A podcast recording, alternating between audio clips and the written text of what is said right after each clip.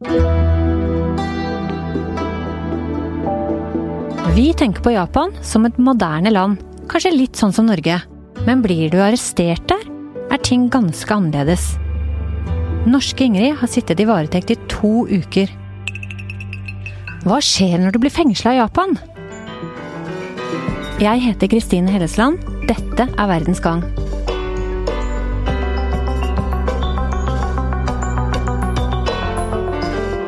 Den 20. november ble den norske studenten Ingrid Martinussen arrestert i Japan, der hun tar mastergrad i globale miljøstudier. 32-åringen skal ha mottatt en pakke fra USA som politiet mistenker skal inneholde narkotika. Andreas Nilsen, nyhetssjef i VG, hva vet vi om denne pakken? Ja, denne pakka vet vi egentlig veldig lite om. Det er et av mysteriene i, i, denne saken her. Eh, for det første, hvem var den adressert til? Var den adressert til Ingrid? Var den adressert til eh, en venninne av henne, eller var den adressert til begge? Eh, hvem sendte den, og hvor kom den fra? Vi vet bare at det var et land på utsiden Japan.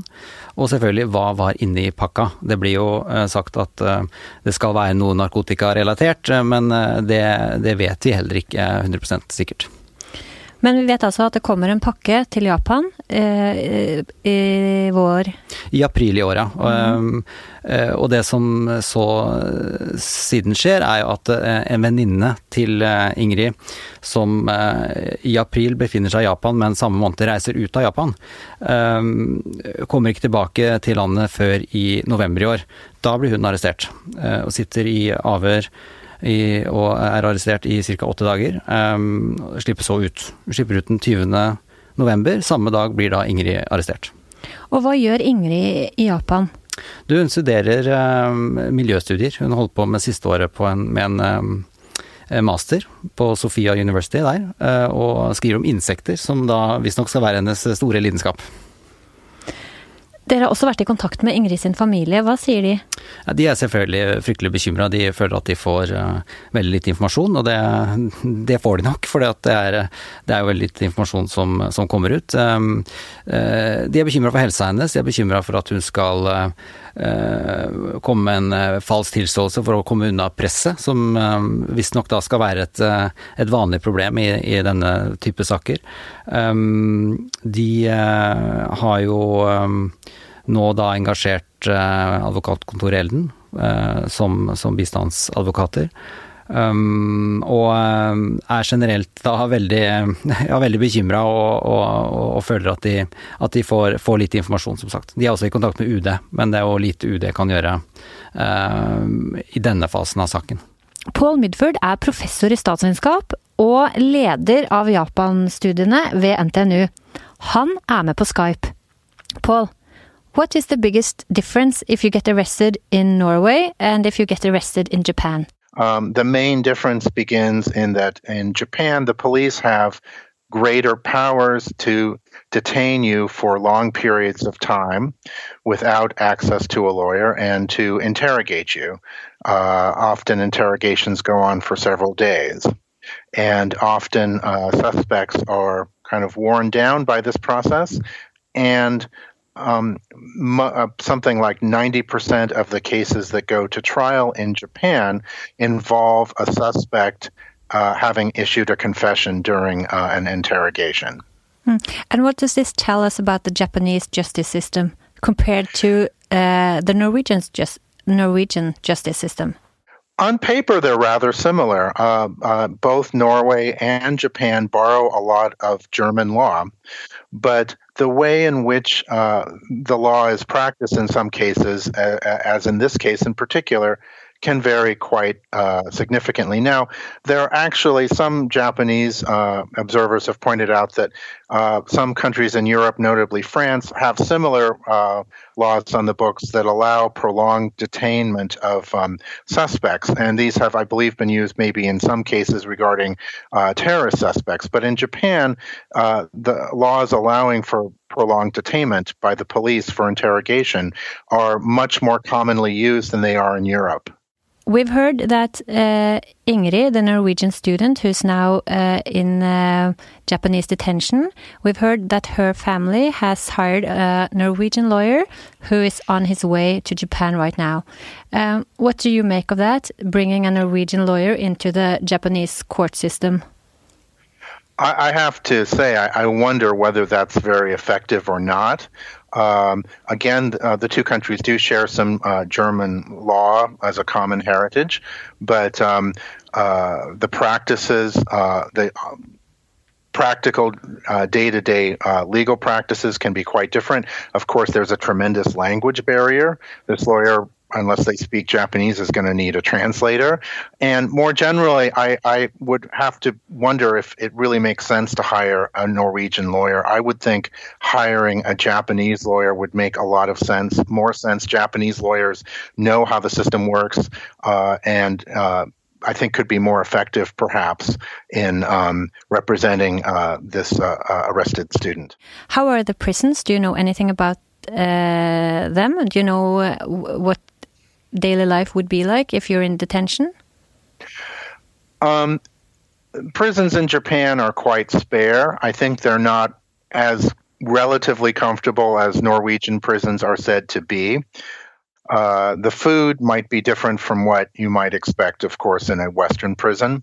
Uh, and the regime, particularly uh, if you're convicted, uh, can be quite severe. So uh, prison guards are known to even uh, order uh, prisoners uh, to direct their eyes in a particular direction. So you don't, uh, in front of a prison guard, you don't even have freedom of movement regarding where your eyes are pointed, where where, where you're looking at.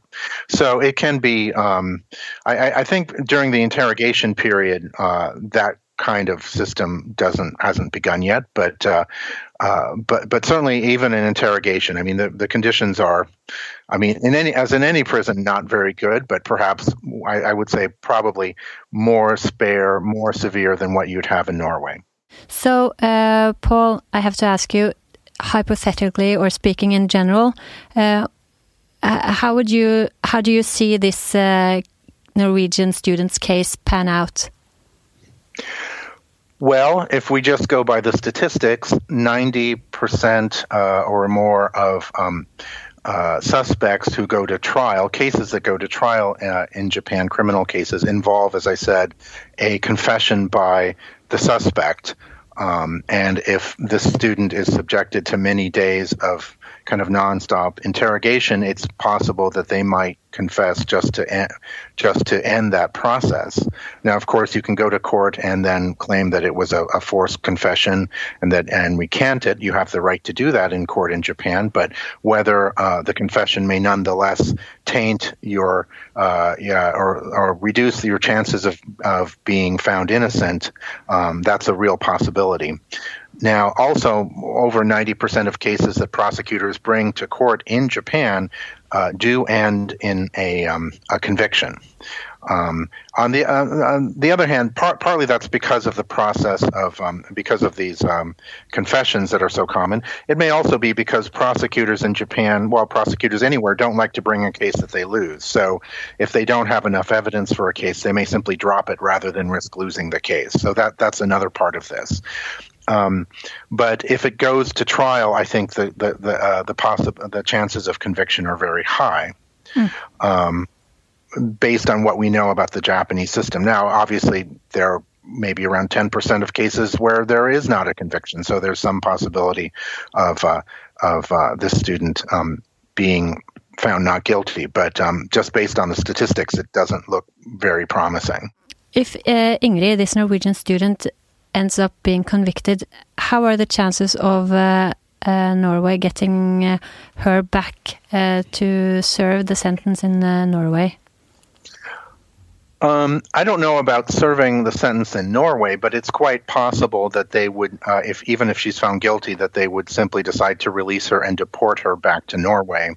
Um, partly out of um, a sense of um, Uh, to some extent, I, in in Japan, I think foreigners, particularly those from Western countries, frankly, um, uh, uh, uh, pe- white people tend to be treated very nicely in Japan, so that might be a factor. Um, although that, of course, will not be stated explicitly. Another reason is that the idea of imprisoning foreigners in Japan isn't necessarily very popular in Japan either. Um, there are a lot of some urban myths about prison in Japan uh, that are rather different to the reality I just explained. Um, for example, there's an urban myth that um, Asians from lesser developed, poorer countries come to Japan and commit crimes so that they can be put in jail so they can get free medical care which is an enti- entirely an urban myth. There's no um, basis to that at all. But that uh, urban myth reflects this idea that um, Japanese, many Japanese, um, don't necessarily want to be paying to maintain foreigners in their in their prisons. So, if you take that into consideration as well, uh, I think the the possibility that um, this student, even if found guilty, might simply be deported, um, or mm. perhaps rather good. Thank you so much for uh, uh, for being here today. You're welcome. It's my pleasure. Mm -hmm. Happy okay. to help. Bye bye. Okay. Thank you. Goodbye. Fawad Ashraf, reporter i VG, har akkurat landet i Japan, og han har snakka med Stian Schmakik Sopp, som er leder av studentorganisasjonen ANSA, og kjenner Ingrid godt. Jeg kom til Tokyo tirsdag ettermiddag og dro rett til eh, bydelen og togstasjonen Shinjuku, der jeg møtte Stian på utsiden. Og vi gikk for å finne oss et sted å sette oss ned, og begynte å snakke om at uh, han fortalte at uh, han er veldig bekymret for uh, situasjonen Ingrid er i. Fordi uh, det å sitte fengslet i Japan er ikke som i Norge. Det er lav standard, det er begrenset med kommunikasjon, og han har ikke opplevd at verken advokaten som er offentlig oppnevnt, eller politiet har vært veldig interessert i å komme med informasjon. Eh, Stian har jo fått fullmakt fra foreldrene til Ingrid i Norge til å hente inn eh, eh, alle saksdokumenter, men han har ikke blitt ferdig med det ennå. Han kaller situasjonen for ganske vill, og det er veldig tydelig når jeg snakker med ham at han ikke stoler på at hun er i trygge hender.